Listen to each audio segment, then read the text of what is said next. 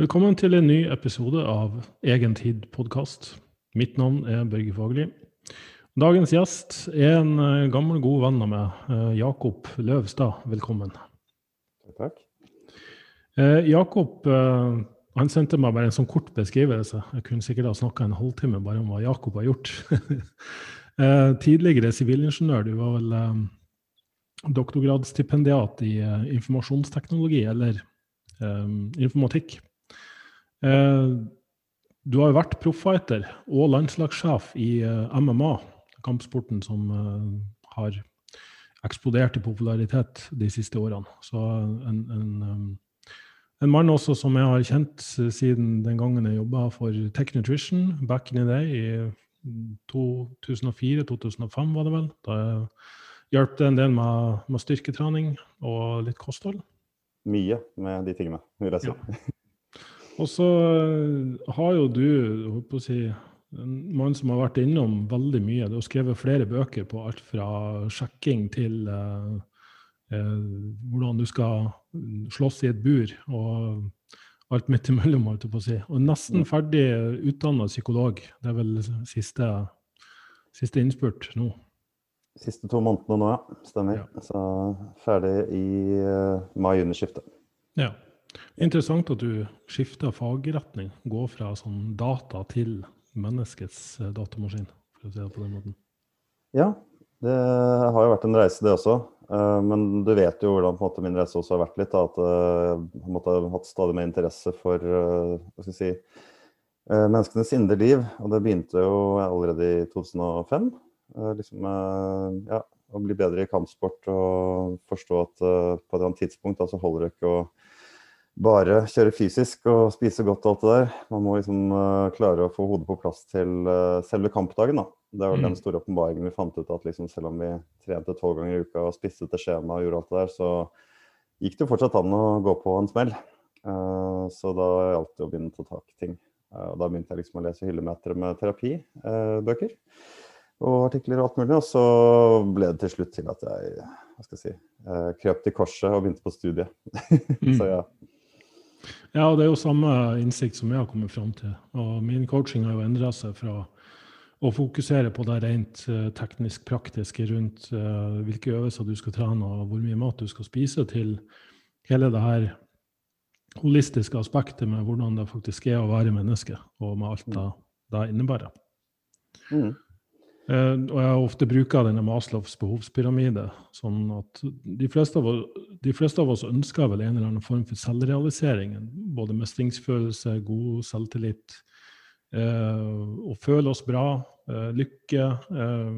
og kanskje ja, oppnå noe større som utgjør en forskjell for mange mennesker. Men før det kan komme opp dit, så må fundamentet i pyramiden være på plass. Og Da, det er rent fysiske og nære relasjoner osv. Det kan være selv om ikke Maslows uh, behovspyramide er den mest aksepterte modellen, uh, så, så syns jeg i hvert fall den det illustrerer veldig fint uh, det rent helhetlige rundt, rundt det å eksistere og det å navigere sine verdisystemer og ha det bra i livet, rett og slett.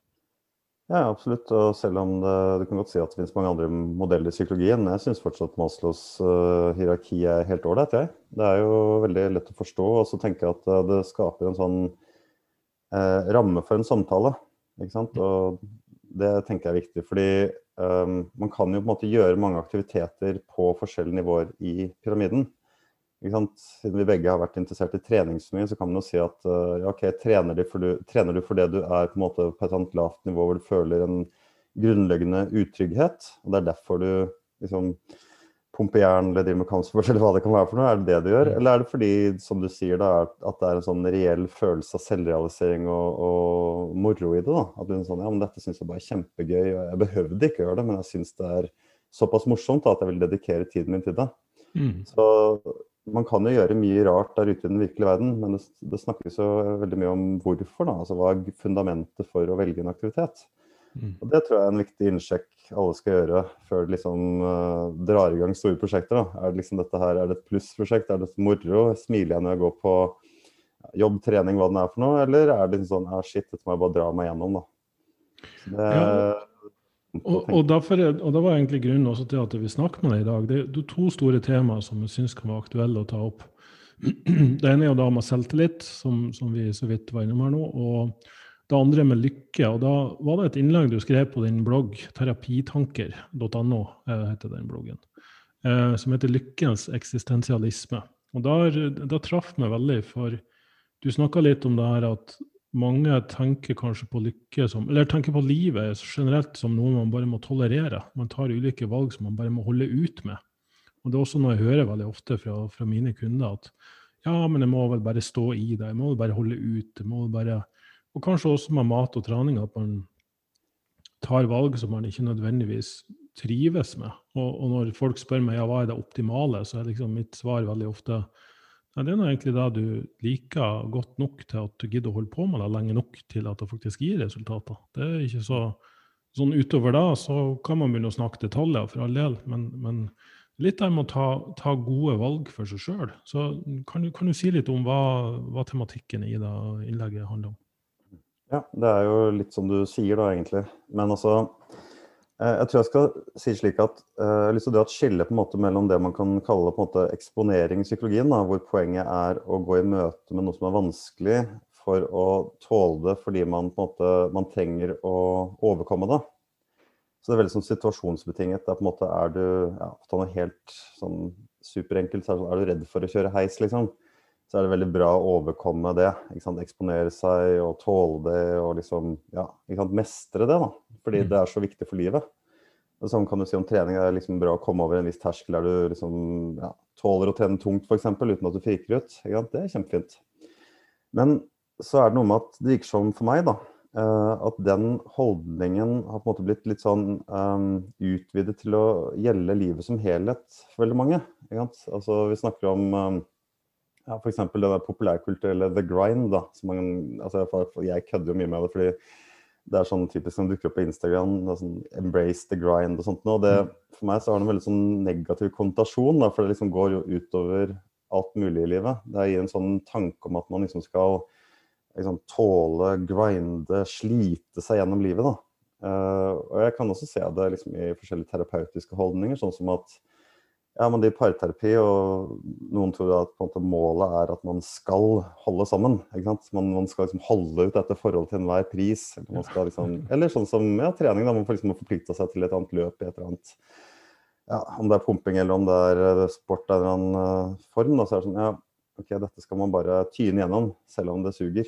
Mm. og det er sånn, ja, men det gir jo ingen mening.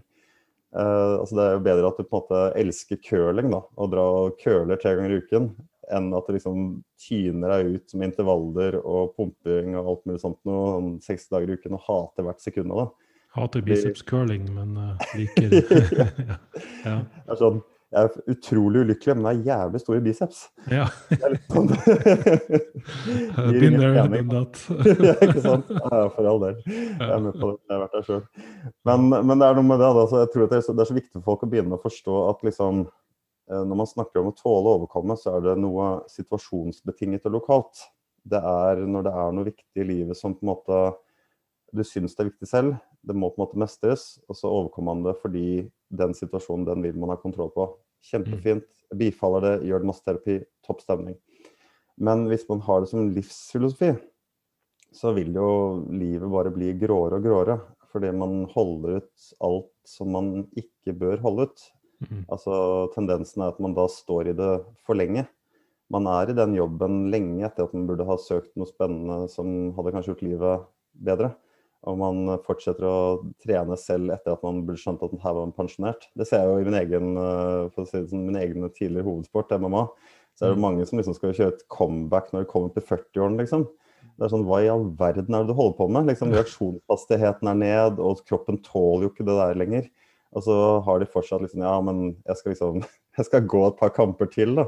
Mm. Og det ender jo alltid stygt, stort sett. da. Det er sånn triste historier. Og det er sånn typisk jeg tenker på som når man absolutt skal, da, og ikke klarer å skjønne at ja, men nå må, du, nå må du slutte å prøve å holde ut dette drittet her, liksom, og finne på noe mer spennende å drive med livet ditt. Ja. Men er det en form for jantelov som gjør at for Det er jo sånn, det er ikke så mye snakk om janteloven lenger, men jeg ser fremdeles at det gjennomsyrer veldig mye av kulturen. det her med At vi skal bare holde ut i ting og vi kanskje er innprogrammert til at livet skal gå ut på å ha en 9-4-jobb, og så skal vi bare liksom For det gir penger, sånn at vi kan gjøre ting som vi muligens syns er litt gøy utenom. Um, jeg har litt vanskeligheter ofte med å forstå argumentene til folk når de, når de egentlig bare holder ut og står i ulike ting. Men det, det er vel kanskje også fordi uh, Jeg pleier ofte å bruke denne metaforen med den, den hummeren som legges i vann, og så varmer du vannet opp så gradvis at den ikke merker at den blir kokt. Mm. Ja, at det kanskje er noe der at det vi kaller en komfortsone, det er bare Vi klarer ikke å se uh, altså Vi mennesker er jo elendige på å forutse hvordan vi vil føle oss i framtida. Så vi, vi, tenker at den, og da å ta en avgjørelse med å gå ut av et eller annet som vi har holdt på med veldig lenge, også denne sunk cost fallacy, når vi har investert mm. veldig mye tid og penger i, eller energi i noe, så, så, er det veldig vanskelig for oss å legge det fra oss. Men hva, hva tror du er greia der? Hva, hva, er årsaken? Er det fordi vi føler at vi ikke fortjener det, eller har vi frykt for det ukjente? Det er sikkert veldig komplekst det der også, men, men har du sett noen fellestrekk? Ja, jeg vil kanskje tenke sånn at uh, ja, ok, Hvis vi skal dra med rantelov og hele den pakka der, da, så er det jo noe med at uh, kanskje i andre enden der så er det jo det å gi opp noe kan jo føles som en stor uh, altså En skikkelig sånn failure. da, altså Dette her har jeg, har jeg tabbet ut, på en måte. Uh, jeg tålte ikke jobben min lenger, og jeg sluttet. Og så det er liksom Ja, å ja, du, du fikser ikke den jobben her, liksom. Det, det, er mer den der, da, et prestasjonsfall på et eller annet vis. Mm.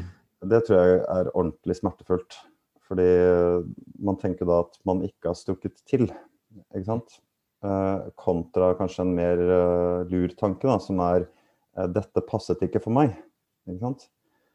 Fordi ja, Hvis det er et forhold, f.eks., for sånn, um, det handler jo ikke om å feile. Visse mennesker passer bedre sammen enn andre. Mm. Og da er det sånn, ja, men kanskje det handler om at du bare ikke er med rett person. At du ikke er med rett jobb. Og så er det sånn OK, jeg fikk ikke til liksom ja, Jeg klarte ikke å bli verdensmester i ja, tennis, f.eks. Mm, og så er det sånn Ja, det kan godt si at ja, du, du, ga opp, da. Men det kan også være at det er en annen sport som passer deg mye bedre.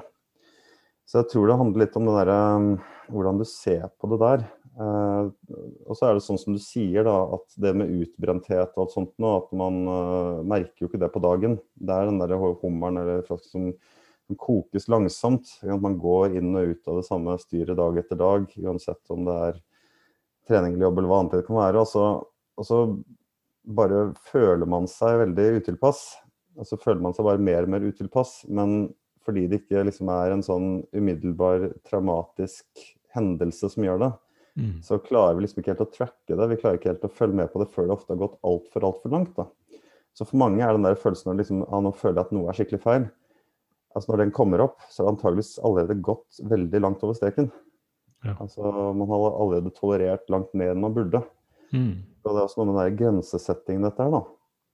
Uh, og der tror jeg liksom norsk kultur er litt sånn uh, tilretteleggende da, for the grind. Fordi, altså, vi tenker jo ikke så mye på det, men jeg er ofte uh? Jeg har en liten, kanskje en liten fordel i det at jeg er jo hva skal jeg si, jeg er ikke bare norsk, jeg er også halvt polsk. Og mm. er liksom, litt sånn at jeg kan stå litt i begge kulturer og titte litt begge veier Og det jeg ser med norske kulturen, er at vi er jo veldig sånn um, Selv om vi er veldig sekulariserte, så tenker liksom Norge som protestanter fortsatt. Mm. Og da er det veldig sånn eh, Du skal få din lønn i himmelen, på en måte, og, og du er på en måte eh, la oss si, bedre i Guds øyne om du trener mer og jobber mer og er flinkere enn naboen. liksom. Og, og, det er litt sånn eh, Siden vi ikke er liksom religiøse lenger, så tror jeg ikke den tanken er så present. da. Men uh, det ligger jo på en måte baki der. Uh, det er, ligger godt forankret i kulturen. Mm. Og vi er veldig opptatt av å være dyktige og flinke. og liksom, ja, Det er typisk norsk å være god og hele den pakka der. Og det, det, er, så, det er så grunnsten da, i vår kultur. Mm. Uh, at det, det, kreves en liten kraftanstrengelse for å på en måte, ta et steg tilbake. Og liksom Hei, er det dette jeg egentlig vil gjøre i det hele tatt? Eller bare er jeg på et sånt spor da, der jeg skal bevise at jeg også er en flink eh, samfunnsborger som får det til og klarer å pushe 60 timer, 80 timer i uka, liksom. Mm. Så det er noe der, da. Eh, jeg tror vi er veldig sånn tilrettelagt i Norge for å, å stå på. Det er jo så mye positivt assosiert med sånne typer begreper. Ja, stå på, Gi jern, ikke sant. Hold ut. Ja. Hold ut. Dette klarer du, liksom. Ja, ja, ja. Og det er kjempebra når du skal prestere på langrenn, men det er litt uh, døvt når du skal uh, ha et liv som er ålreit, da. Mm. Så, så, hvordan vil du si at man kan ta bedre valg for seg sjøl som fører til at man blir mer lykkelig? For det er vel noe med òg at jeg, jeg har sett to, to, reaksjoner. Det ene er at noen ikke står i noe som helst. At det blir en sånn fryktelig kontrastreaksjon. da, At uh, med en gang de møter på litt motstand, så gir de opp. sant? Eller bare hopper mm. over på noe bedre. Og noen uh, går fra forhold til forhold fordi de er forelska i forelskelsen, ikke i selve det å, og være sammen med et annet menneske. Um, så selvfølgelig forstår jeg da at å alltid gå for det som gjør at du føler det bra, kan sannsynligvis ende opp med at du både sårer masse mennesker og blir veldig utrent og overvektig. fordi det er jo let's face it, komfortabelt og, og en god mm. følelse å spise veldig smakfull mat. og det å ligge på ræva og se på Netflix er jo sannsynligvis mer behagelig og komfortabelt enn å utsette kroppen for uh, tunge belastninger. Så, mm. så, hvordan kan man navigere rundt akkurat eh, de to motpolene der, tenker du? Ja, vi snakker om den gode gamle klisjeen med balanse her. ja, balanse, ja. Jeg var nesten redd for å ta ordet i min munn. Ja, vet du hva, jeg, jeg, begynte å hate ordet balanse, for det er blitt så klisjé. Alle er sånn der Ja, det må være balanse i livet. Og så er det sånn Ja, hva pokker betyr det, liksom? Ja, helt enig. Eh, mm. Ja. Nei, altså det, det, er jo et godt spørsmål, et veldig sånn globalt spørsmål også. Og jeg tror at det er veldig mange forskjellige måte, terapiretninger, og, og, ikke minst blant mange terapeuter og psykologer får mange forskjellige svar på dette. Altså. Men um, vi snakker jo om en slags sånn balanse mellom egentlig hedonistisk glede da, og langsiktig glede. Og det er jo sånn klassisk at uh, ja, ok, hvis du gafler i deg liksom 15 eh, pommes frites i dag, så er det kanskje ulykkelig både i kveld når du har vondt i magen, og for så vidt i framtiden når du ikke oppnår de treningsmålene du ønsker deg. Mm. Så det handler jo veldig sånn om eh, ja, her og nå versus fremtid ofte. Også dette med å såre folk, det er hvis du kanskje uh, agerer på impulser da, uh, av forskjellige grunner. Og dermed så har det veldig negative konsekvenser. Og da er det sånn, ja, ok, noe er nok litt sånn uh, impulskontroll og personlighet og sånt, men hvis vi ser bort ifra det, og mer sånn ok, hvermannsen, uh, så handler det om at ofte når man tar sånne negative valg, så er det jo noe litt problematisk til grunn, da, vil jeg si. Det er noe som gjør at det er så forbanna viktig å ja, ligge der og binche ti episoder mens man spiser en stor, eller flere store poser potetgull, på en måte. Mm. Eh, da er det jo et eller annet eh, som foregår på innsiden som ikke er helt på plass. Så istedenfor å tenke på en måte jeg skal oppnå balanse, så blir det et spørsmål om hva er det som gjør at jeg holder på med dette her. Mm. Det vil jeg si. Og der er det jo veldig individuelt med hver person og deres oppvekst og opplevelser og hvordan de tenker om verden. da hvordan det får dem til å føle, og eventuelt om man bruker f.eks. mat eller trening eller noe annet til å regulere egne følelser. Mm. For det, det, er jo, det, er jo, det viktige, og det går litt tilbake til det vi snakket om i stad. At liksom man kan bruke trening, mat, Netflix, uh, rus for de som kjører det. Alt dette kan brukes til å regulere egne følelser. Uh, så når vi blir enten underaktivert, at vi blir for slappe, eller overaktivert, at vi blir for stressa, så er det ofte at vi bruker eksterne midler for å på en måte justere det den ene eller andre veien. Mm. Enten så kan du ta noe som gjør deg mer oppglødd. Uh, de som er avhengig av kaffe og kjører på med kanskje litt mye trening, vil gjerne aktivere seg opp. ikke sant? Ja, så det er veldig bra. Så kaffe, veldig fint. Og så er det de som kanskje er overtersker, som er for stressa. Da kan man kanskje mm, f.eks. spise seg ned. ikke sant? Få, hvis du får mat i kroppen, får i deg en del sukker, så blir du mer dorsk. Får du senket aktivitetsnivået ditt på innsiden. da, Senket mm. uroen. Så da blir jo spørsmålet hva er det som gjør at du stadig detter ut enten med overaktivering eller underaktivering.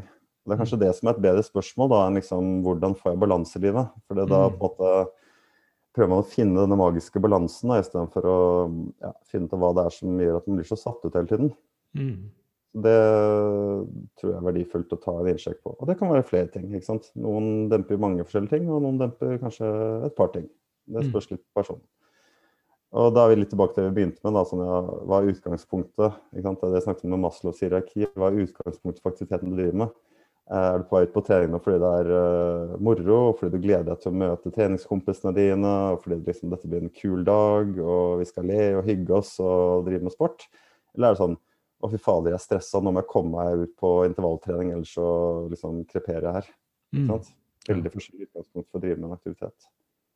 Ja, jeg har jo jeg har vært sjøl på en reise, selvutviklingsreise, og, og en, en, oppvekst og historie som, som bar preg av at jeg ikke følte at det var verdt noe, eller at det var bra nok. Og, og begynte jo da med trening, delvis for å liksom skulle være stor og sterk, beskytte meg sjøl, men kanskje også få oppmerksomhet på den måten. Få en form for validering.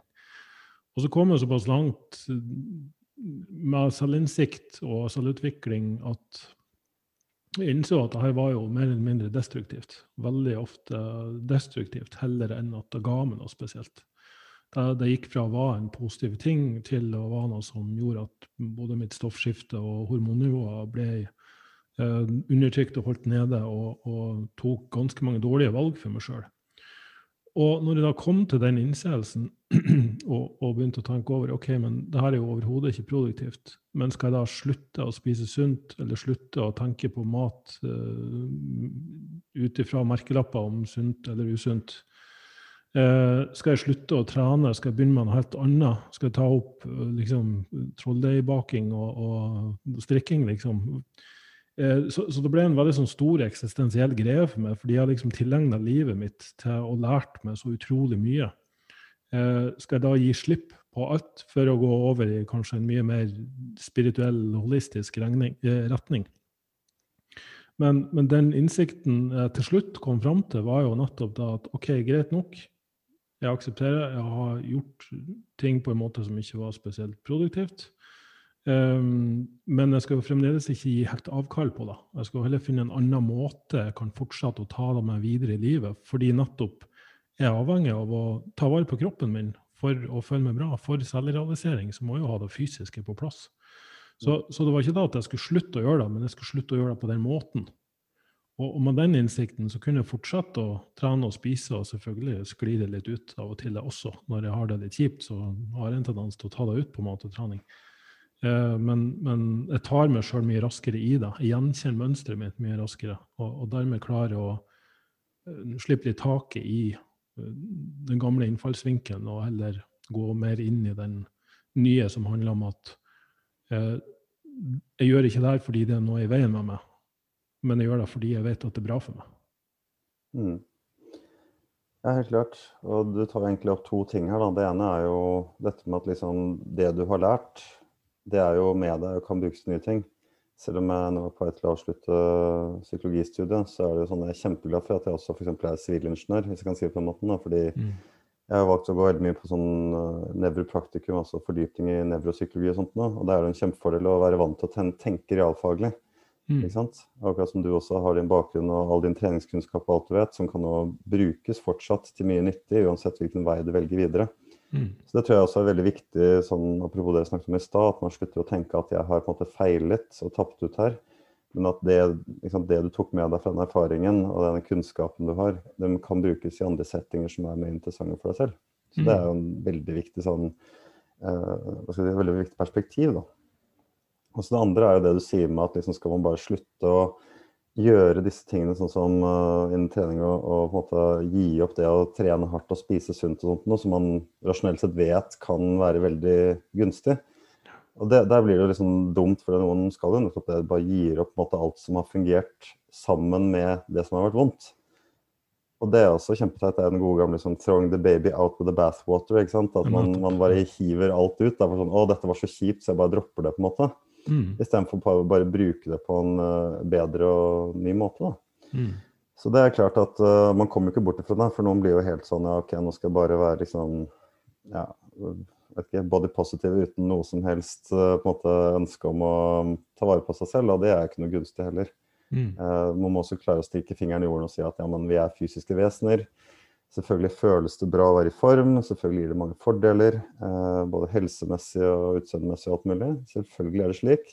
Og så gjelder det bare ikke å gå for langt med det, som alltid. ikke sant?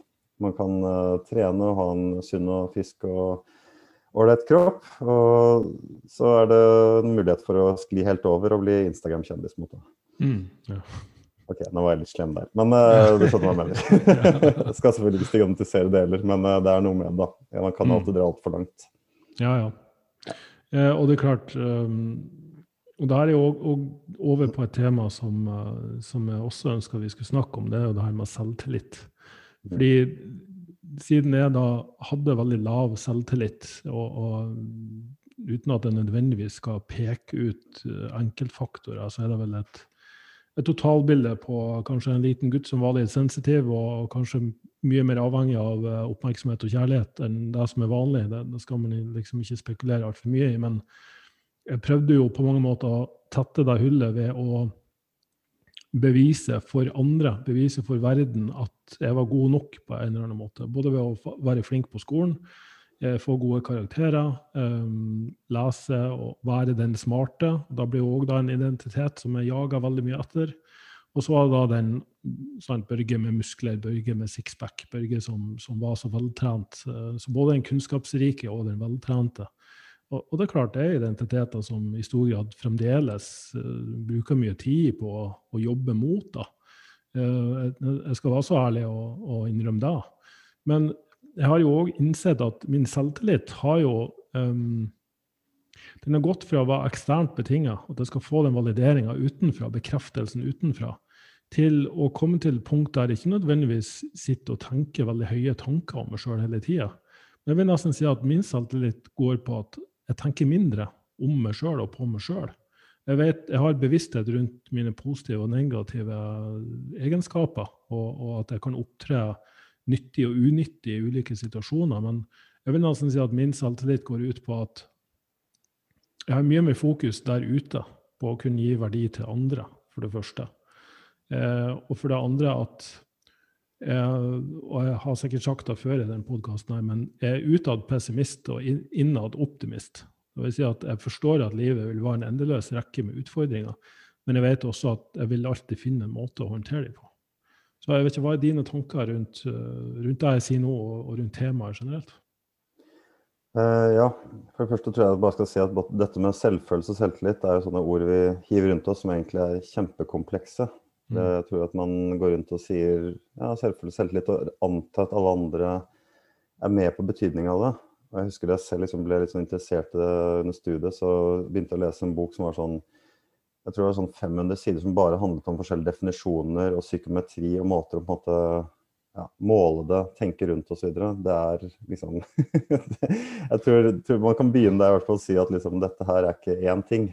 Ikke sant? Eh, det, det, er nok eh, veldig sånn at man går rundt og tenker sånn ja, han eller hun har god selvtillit, han eller hun har godt selvbilde osv. Og, og så vet jeg ikke om vi engang er enige om hva det betyr for noe. Så jeg tror jeg skal bare kaste ut den først. Uh, bare for en sånn liten disclaimer før jeg sier noe som helst. mm, Men for å si noe om det, da, så tror jeg nok du har helt rett i at uh, hvis man uh, har kommet fra en litt utrygg plass som ung, uh, så er én måte å løse det på, er å bli liksom vidunderbarnet. ikke sant? Bli den som ja, presterer så godt at man liksom er på måte eh, vis verdt kjærlighet og oppmerksomhet og sånt noe.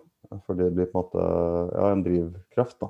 Mm. apropos tilbake til dette behovshierarkiet. Man begynner å jakte på disse grunnleggende faktorene gjennom å være på en måte skinnende.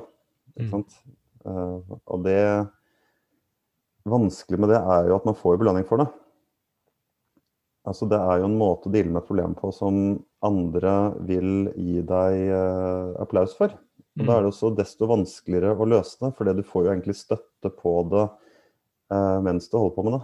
Mm. Så det er, uh, ikke sant? hvis du driver med selvskading eller rusmisbruk, så er det ingen som på en måte kommer og applauderer det. Bare sånn ja, dødsbra liksom at du har begynt å ruse deg. Det er ingen som sier det, ikke sant. Gratulerer med heroinsprøyta, liksom. Ja, ikke sant. Ingen, ingen drar den.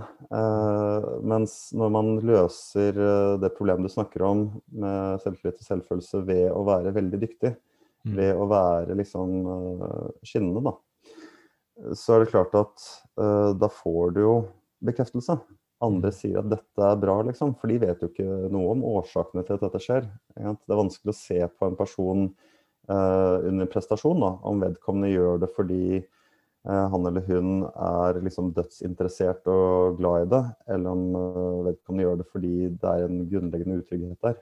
Mm. Det, det, ser man ikke med mindre man begynner å ta et ganske grunnleggende intervju da, for å finne ut av det. Um, så det er jo en, en ting, tenker jeg, da.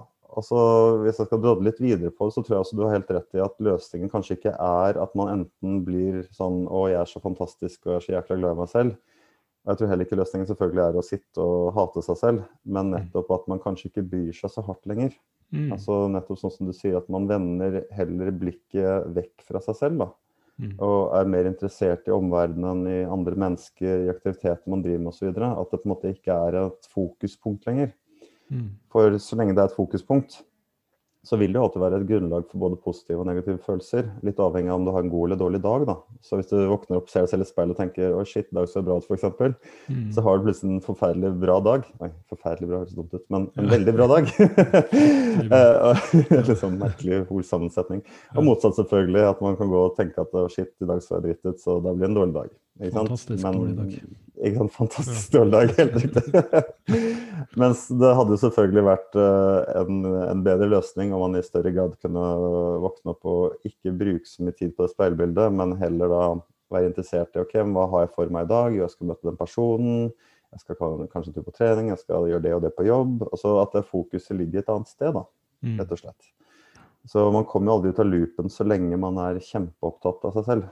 Da mm. vil det jo være både negative og positive sider eh, knyttet til det hele tiden, og en slags emosjonell berg-og-dal-bane, da. Avhengig av hvordan det egentlig går med dette selve.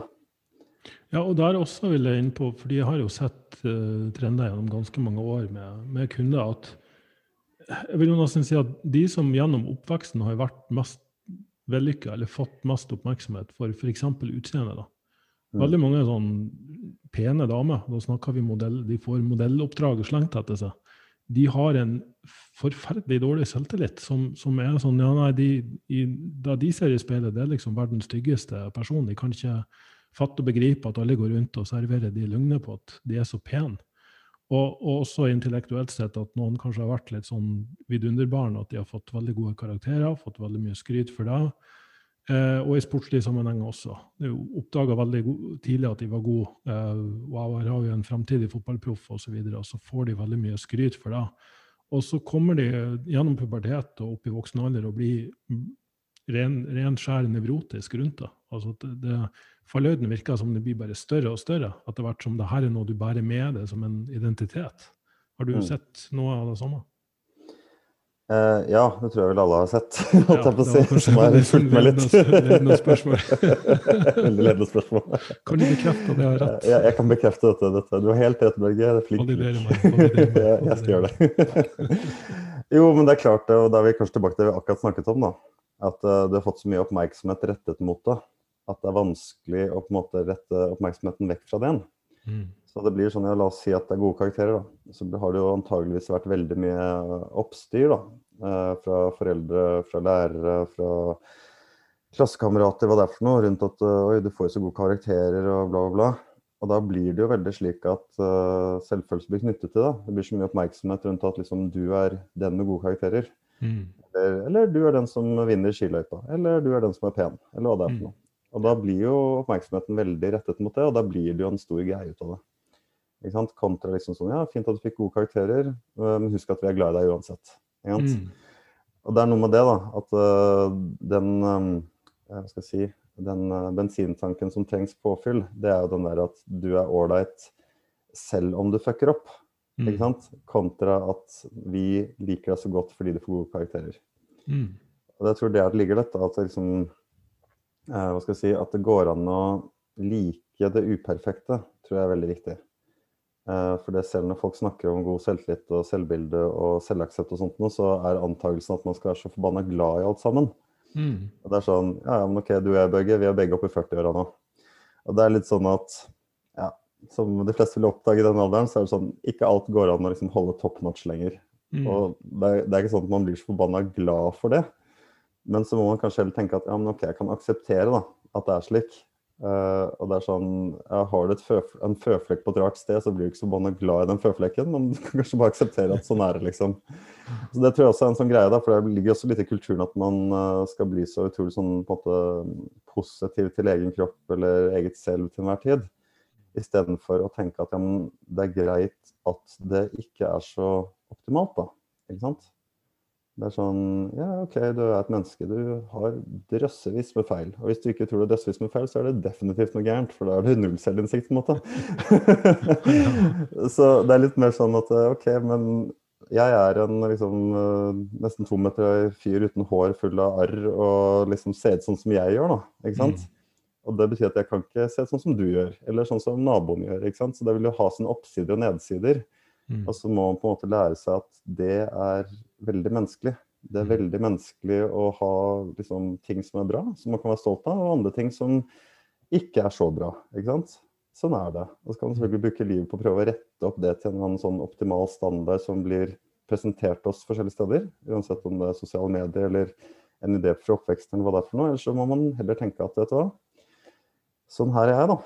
Uh, og det er ikke alltid bra, mm. men det er dette jeg har. Dette må jeg leve med, og det er OK, liksom. Mm. Så det vil jeg slå et slag for. At det, det, skal ikke være, det behøver ikke være sånn full av narsissisme, liksom. Helt greit. Bare ha sine, sine fuckups.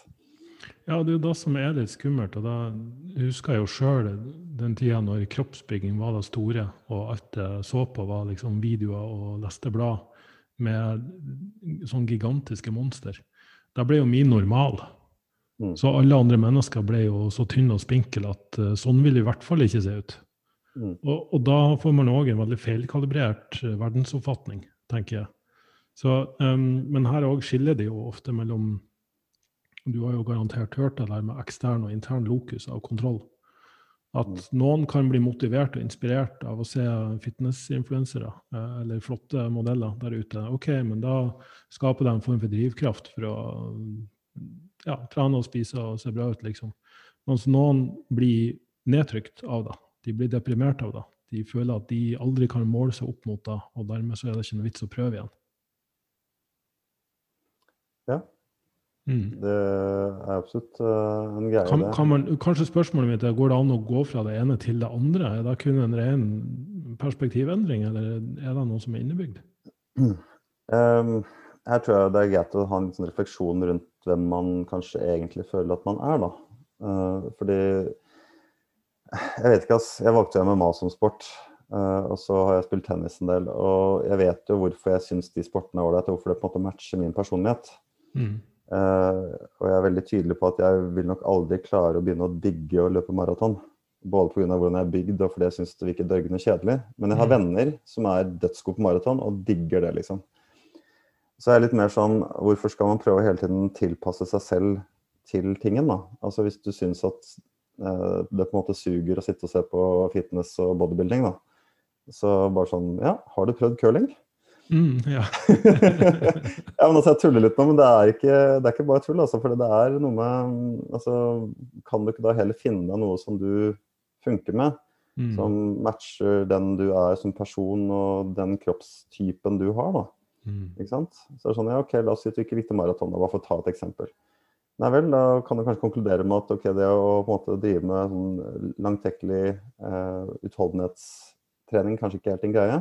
Mm. Men hei, kanskje du liker poengsport. Kanskje du er en uh, lovende basketballspiller. Mm. Eller i hvert fall syns det er morsomt nok til å drive med på hobbybasis. da. Mm. Så kanskje du skal bare droppe det der uh, treningssentermedlemskapet da, og komme deg på basketballbanen og finne noen folk å spille med og kose deg med det. Og kanskje mm. det er en mye bedre vei til å være i god form og ha det gøy på, enn det var å sitte og løfte jern. ikke sant? Mm. Så jeg er litt sånn, hvorfor skal du hele tiden prøve å tilpasse deg selv til ja, et eller annet ideal som finnes der ute? Kan du ikke finne noen som du kan henge med og gjøre ting du syns er gøy? Mm. Det er liksom greia.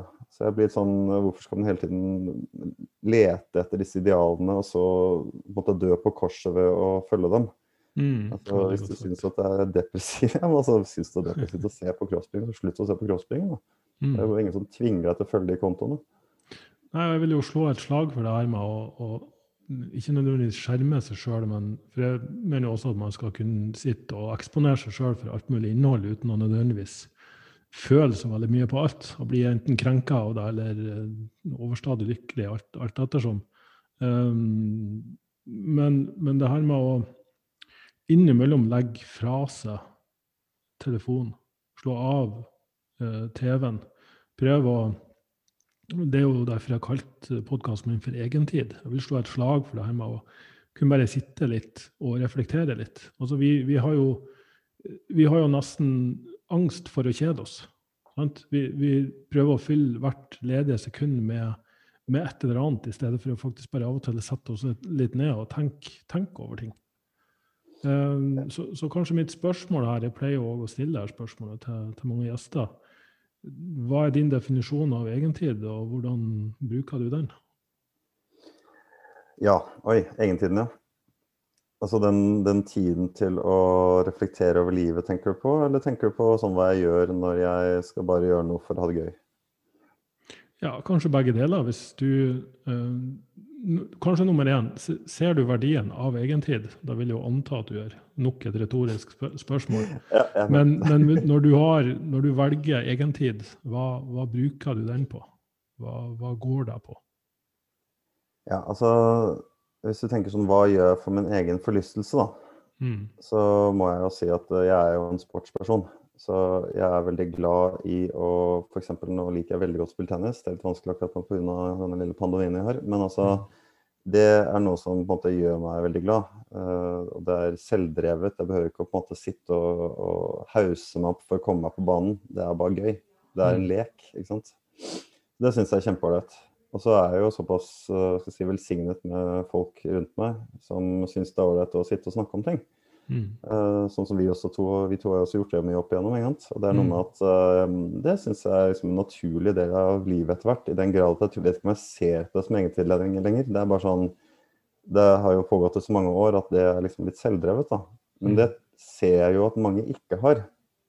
At det er altfor lite rom for å sette seg over en kaffe og bare snakke om hvordan man har det, hva man føler på, hva man står oppe i livet akkurat nå. liksom disse tingene. Uh, og den der hodeløse marsjen som foregår uten det rommet, det tror jeg er veldig usunt.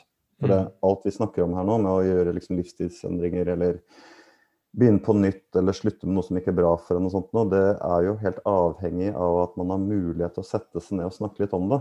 Lufte litt ut med liksom, kjæresten eller en kompis eller hva det er for noe. liksom bare sånn, ja, jeg syns det er litt vanskelig på jobb akkurat nå, så jeg har følt en stund at det er ikke helt for meg. Altså, å kunne ha den samtalen, f.eks. Eller sånn mm. ja, det går ikke helt bra med meg og kjæresten og bla, bla. Hvis du har iallfall mulighet til å ha de samtalene når det trengs, og at det er en naturlig del av livet, uh, og at man gjør det selv når det ikke trengs, ikke minst, at det er bare en vane at man har de samtalene, det tror jeg er ekstremt sunt. Og Det faller litt kanskje den der pågående klisjeen med at det er, liksom, det er, greit å være åpen. Det er jo liksom noe som heldigvis på en måte vokser litt fram i samfunnet. Mm. At det er greit å ha følelser, det er greit å snakke om ting. Det er greit å liksom ikke bare sette seg ned og snakke om siste fotballkampen, men at man kan sitte og, og drodle litt. da. Mm. Uh, I hvert fall når det er uh, noe man har lyst til. Det tror jeg er veldig verdifullt. Uh, så behøver man selvfølgelig ikke sitte og føle og mene hele tiden, men det rommet det bør man liksom bare ha som en sånn ja, mental helsegreie, rett og slett. Ja. Finne balanse der også. Ja, ikke sant. jo, men det kan gå andre veien òg. Det merker jeg jo. Mm. Apropos, eh, jeg merker det av og til at det er noen som blir for opptatt av å sitte og, og ha føling i fjæra. Eh, mm. og da blir på en måte det en egen greie, da. ikke sant? Ja, sant. det på en måte ikke har noen hensikt, men man, man blir litt forelsket i å gjøre det. da. Eh, så det er også noe med sånn, ja, Man skal ha en, en liten sånn ja, innsjekk på seg selv liksom der også, tenker jeg da. Det er sånn, som sier, balanse der også. det er akkurat det. Så det er vel det alt. Men, uh, men ja, spørsmålet var vel egentid, og jeg liker veldig godt å, å, ha disse gode samtalene. Jeg liker veldig godt å drive med tennis og all mulig fysisk aktivitet hvor jeg har det moro, og jeg kan oppføre meg som jeg er, og kjenne at det er en lek. Mm. Eh, det tenker jeg er en sånn, et par sånne hovedfaktorer i livet. Og så er det sånn at vi, vi har vel begge to delt ned lenge meditasjon og sånt nå, så det er jo en sånn rutine jeg alltid har med meg. Så mm. små indre eh, greiene der jeg med meg selv og bare få lov til å rette fokuset mot hva som skjer inni meg. Mm. det tror jeg også er kjempeviktig. Ja, nei, jeg tror vi kan konkludere med at det, det er jo jammen ikke enkelt å være menneske. Den store hjernen vi faktisk har som skiller oss fra andre raser, er jo både en mm. gave og en byrde på mange måter. Men um, jeg tenker å, å, stadig være i utvikling, stadig være i prosess og, og ha litt selvinnsikt på veien. og Sette av litt mm. tid til de refleksjonene er i hvert fall viktig, et steg i riktig retning. Ja. Uh, som jeg, sorry, jeg avbryter litt midt inne der. Men ja, jeg er også litt opptatt egentlig at det ikke skal være for vanskelig, for jeg tror også det blir en litt selvoppfyllende profeti. Mm. Apropos at vi snakker om i dag. å velge, velge, lykke eller velge å grinde, da, alle disse tingene her, det handler også litt om hva slags holdning man har til livet. Og jeg tror at det er litt lett for oss mennesker å tenke at livet skal være så vanskelig. Mm. Det igjen gir jo et utgangspunkt for å gjøre det vanskelig. Mm. Da står man jo ekstra lenge ting da, hvis man tenker at ja, men det er jo sånn det skal være. Og det tror jeg også er en sånn kulturell uh, problematikk vi står oppi, hvor vi tenker at uh, når ting er tøft, så er det sånn Ja, men det er jo sånn livet er, liksom. Mm, og det blir jo sånn psykologfaglig klisjé også at ja, nei, det er ikke lett med livet, liksom. Og, og hele den pakka der. Og jeg blir sånn derre Ja. Ja, altså Jo, selvfølgelig. Hadde vi levd i hungersnød i et veldig fattig land og osv., så, videre, så hadde jeg vært med på ideen, da men sant, vi lever egentlig i et samfunn hvor det er ganske stor frihet. Kanskje mm. det samfunnet, eller blant de mest frie samfunnene i verden. Og da må man jo stille seg spørsmål om man ikke kanskje bare velger ting som er kjipt. Ja, det er Kontra hvor livet er så kjipt. Mm. Vi har jo alle forutsetninger for å ha det bra i det landet. Så hvorfor er det da sånn at noen går rundt og har det så forferdelig kjipt absolutt hele tida?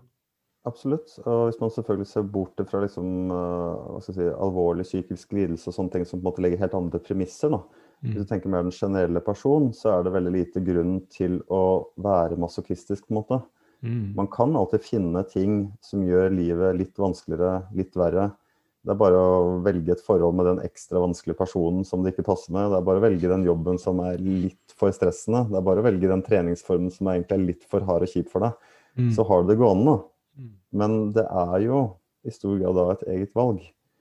Og det er underlig på en måte at så mange velger å tyne seg på ting som ikke er konstruktivt for egen velvære.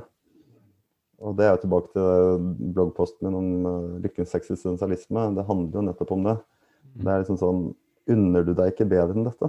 Mm. Ja, det, er, det, er, et grunnleggende selvfølelsesspørsmål. Hva unner du deg selv, liksom? Unner du deg å ha det bra? Eller insisterer du på å gå inn i ting som du egentlig kjenner på ikke er noe særlig? Ja, og i så fall hvorfor? Absolutt. I så fall hvorfor. Hva er det du mm. prøver å bevise nå, mm. f.eks.? Eller hvilket behov er det du prøver å dekke nå? Mm. Mm. Ja, men veldig, veldig bra, Jakob. Da skal jeg forsøke å holde deg på under en time, i hvert fall. Vi snakka ja, jo innledningsvis om at eh, ja, nei, det her, det her er ikke så mye å snakke om. nei, nei vi, vi, har vel egentlig hatt det, vi to. Ja. så, men det er hyggelig. Det er veldig hyggelig. Var veldig godt å være her. Ja. Nei, tusen takk for at du vil være med. og Kan uh, folk nå det på noen måte? Er det mulig å få, få snakke om de, disse tingene med, med det på én-til-én-basis? Ja, det er bare å klikke seg inn på terapitanker.no hvis man har lyst til å liksom følge meg. Uh, jeg er jo tilgjengelig overalt, jeg, så det er bare å plinge inn. Det gjør folk stadig vekk. da. Innboksen min er jo et spennende sted å være. Mm. Så for all del uh, så kan jeg iallfall prøve å svare så godt jeg kan, hvis det er noen som tenker at noe jeg har å si, har noe verdi. Mm. Mm. Kjempebra. Nei, tusen takk, Jakob. Alltid hyggelig å snakkes. Uh, og, og takk for at du vil være med på podkasten og, og, berike den med, med ditt nærvær. Når du sier det sånn, så vet jeg ikke om du mener det, men uh, Det var veldig trivelig. Litt, litt sånn tongue in cheek der, men, uh, ja, men uh, da, jeg mener faktisk fra et ja, dypt sted inni meg sjøl at det, det alltid, jeg kommer alltid positivt ut av de samtalene vi har. fordi Det har satt i gang tankeprosesser og refleksjoner som, som jeg syns er verdi, verdifulle. i hvert fall. Ja, så hyggelig. Og takk det samme. Veldig hyggelig å snakke med deg. Og selvfølgelig altfor lenge siden sist, som vi pleier å si. Mm. Vi er blitt vant til å si det. Ja. OK. okay. Men uh, takk for nå, og så snakkes vi snart igjen. Det gjør vi. Ha det fint. Ha det bra.